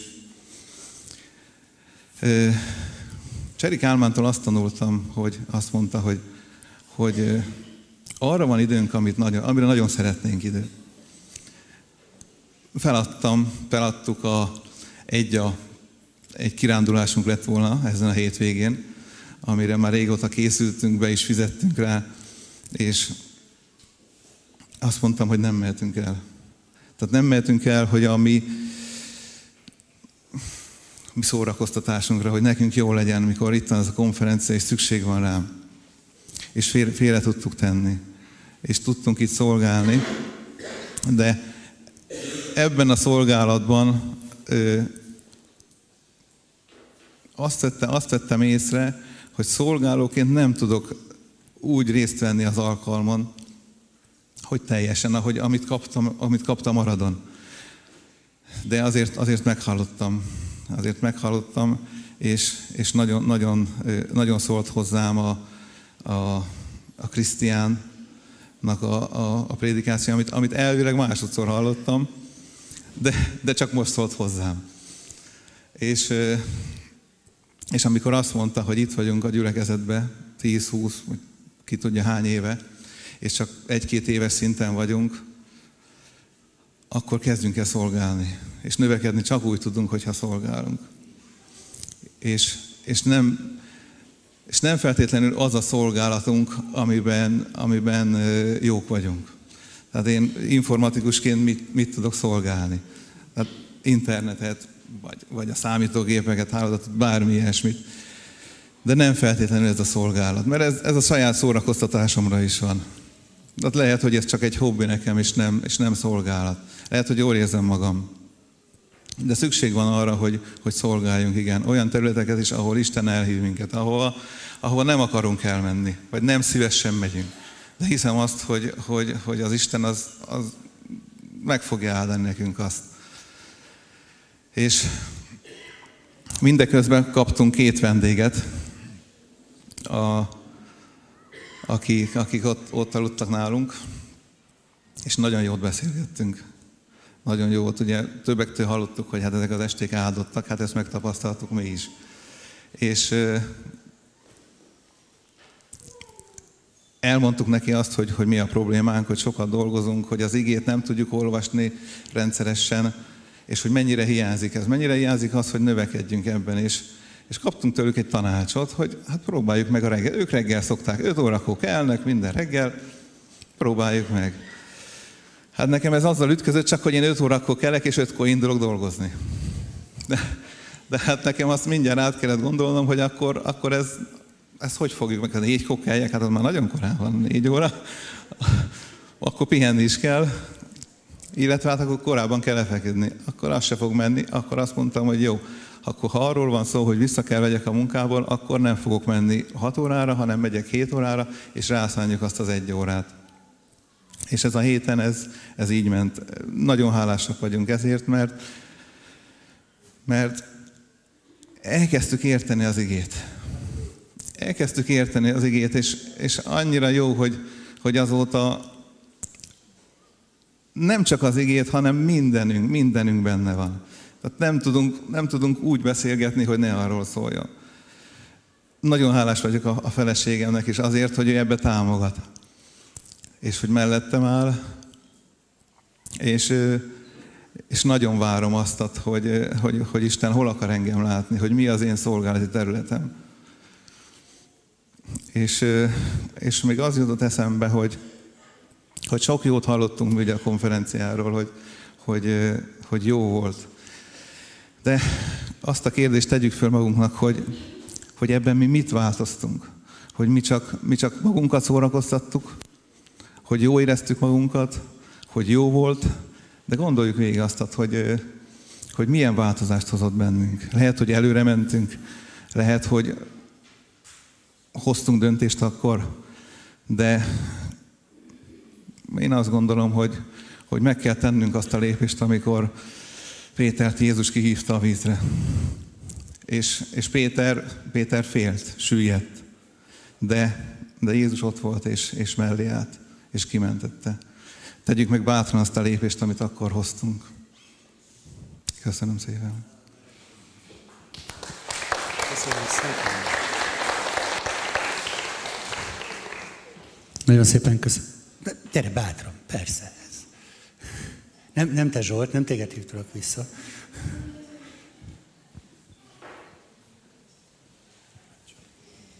Üdvözlöm a gyülekezetet. Kicsit elgyötörtnek nézhetek ki, de ez a fáradtság jó illatú áldozata, és ezt teljesen komolyan szívemből mondom. Én nekem olyan szerencsés vagyok, hogy megélhettem ezt a vertikális konferenciát múlt hétvégén, és tegnap volt a Royal Rangersnek egy országos rendezvénye, Lajos Mizsém, és sokan a gyülekezetből aktívan részt vettünk benne, és tovább, tovább mentek ezek az áldások, amit már itt is megtapasztaltunk olyan sokan. 200-an voltunk, és én nagyon remélem, hogy majd lesz egy kis képes beszámoló is, hogy, a, hogy láthassa a gyülekezet, hogy a helyi törzs mi mindent tett, és hogy Isten dicsőségére volt ez is. És tudom, hogy sokat bőjtöltünk az előző konferenciáért is, és mi is bőjtöltünk például a tegnapi Rangers alkalomért is.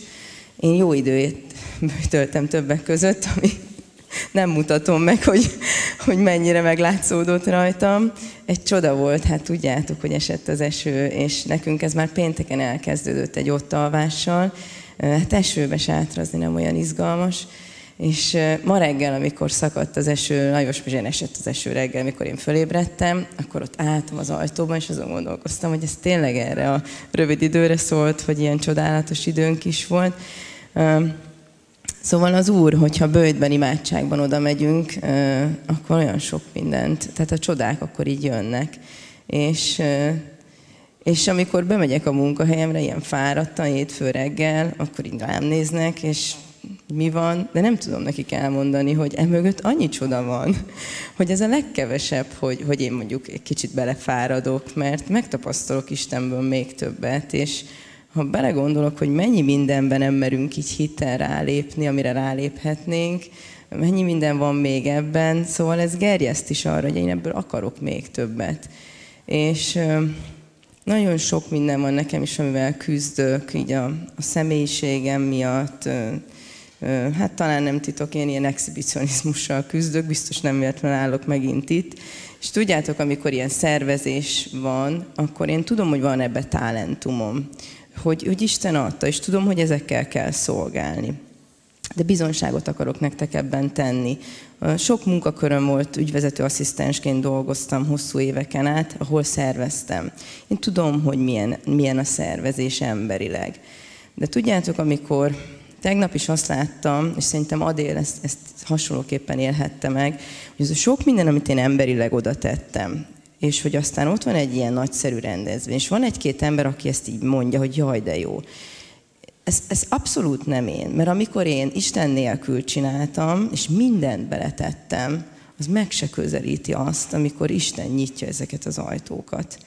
És persze a mi feladatunk az, hogy a talentumainkat odaadjuk Istennek de az a különleges ajándék, az a csoda, ami jön, az az, az övé már. És ezt nem lehet összehasonlítani az emberi izzadságszaggal, amikor mi úgy küzdködünk. Ö, igen, szóval nagyon állás vagyok, hogy, hogy így együtt csinálhattuk a, a konferenciát is, meg a tegnapi nap is nagyon izgalmas volt, és akkor mindig csak arra gondolok, hogy mi vár még ránk.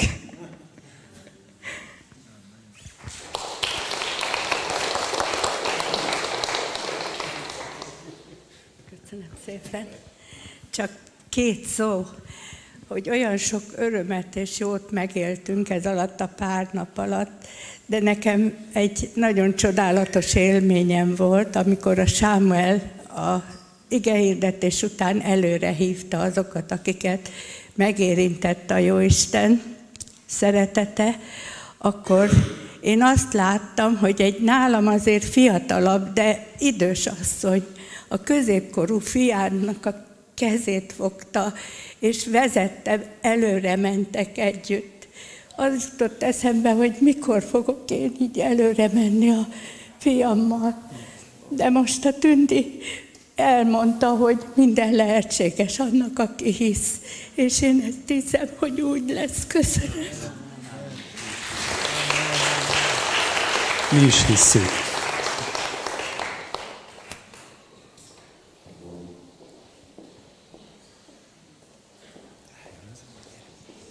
Isten áldjon mindannyiótokat. Nagyon-nagyon örülök, hogy létrejött ez a találkozó. Sok éves, mint a sok éves imádságom került volna meghallgatásra, ami sok fájdalommal és gyötrődéssel járt, hogy sok, sokan vagyunk hívő emberek, sok felekezet, sok gyülekezet van, és az volt a szívemben, hogy ha összejönnénk bárhol, sokan együtt imádkozni, a főtéren, a piasztér sarkán, a kukorica tábla szélén, tök mindegy, hogy hol csak jöjjünk össze és, és imádkozzunk, és várjuk meg, hogy mit, addig imádkozzunk, amit, amíg Isten azt nem mondja, hogy elég. És, és hogy várjuk meg, hogy mit cselekszik ő. És mint hogyha most ezzel a konferenciával valami elkezdett beteljesedni, valóra válni, és, és nagyon nagy várakozás van bennem, hogy, hogy Isten mit fog cselekedni. És hogy ennek részese is lehetünk, igaz, én csak az imádságaimat tudtam oda tenni, de, de tovább imádkozom és tovább várakozom. Isten áldjon benneteket!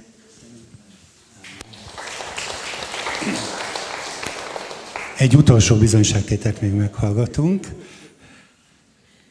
Sziasztok, ígérem, rövid leszek. Nekem most az utóbbi hetekben Isten azt mutatta meg, hogy hát én öt éve tértem meg, és tényleg ilyen három évig körülbelül ment ez a, a folyamatos fejlődés, meg elengedtem dolgokat, és, és hát körülbelül két éve én így ezt vissza, visszavettem azt, amit átadtam Istennek, és, és azt mutatta meg most a konferencián, hogy, hogy én két éve nem itt jártam, tehát megkeményítettem a, a szívemet, és, és azt az öt kenyeret és két halat, azt, azt, azt visszavettem Istentől, hogy, mert, mert úgy, úgy gondoltam, hogy, hogy ez nem elég, vagy hogy, hogy olyan hitetlenül álltam hozzá, hogy, hogy Isten mit tud ezzel kezdeni. És most, amikor kint voltam külföldön, és, és volt egy ilyen időszakom, hogy a boltba nem tudtam elmenni, és eszembe jutott az, hogy, hogy Pál is azt mondta, hogy az erőtlenségeimmel dicsekszem, és és Isten nem azért fog engem használni, vagy nem azért fog munkálkodni az életemben, mert hogy nekem mi van, hanem az, hogy, hogy ő, ő mit tud ebből kihozni. És, és szeretném így buzítani a gyülekezetet, hogy ne, ne féljetek így odaadni a dolgokat, és, és átengedni Istennek az irányítást. Köszönöm.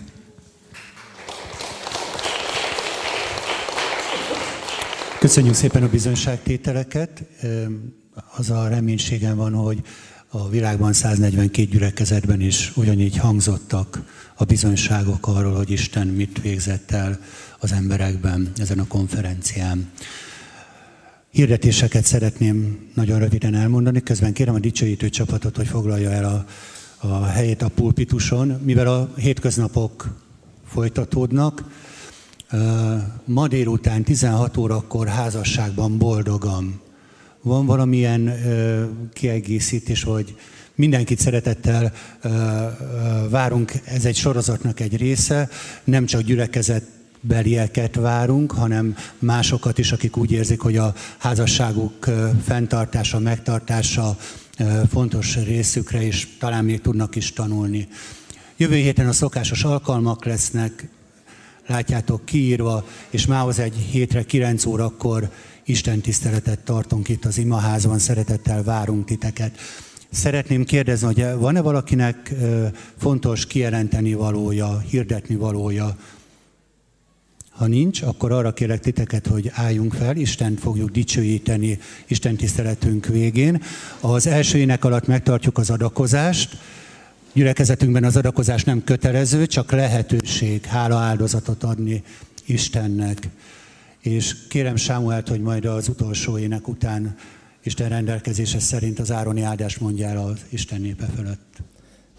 Kettő éneket éneklünk, nem szűnik meg szerelme 301-es és a 374-es méltó, méltó a bárány.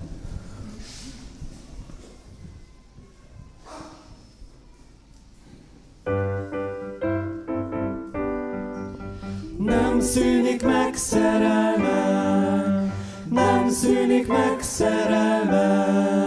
Adj hálát az Úrnak, a királynak, nem szűnik meg szerelme. Mert Isten jó, mindent ő teremtett, nem szűnik meg szerelme.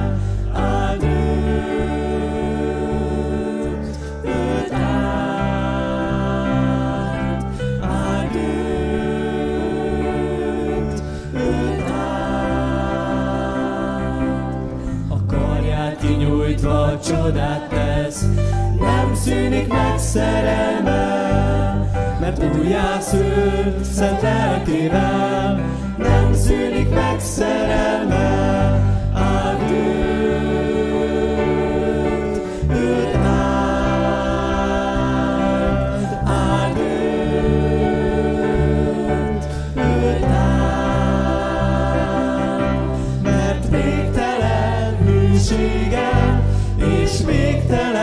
végtelen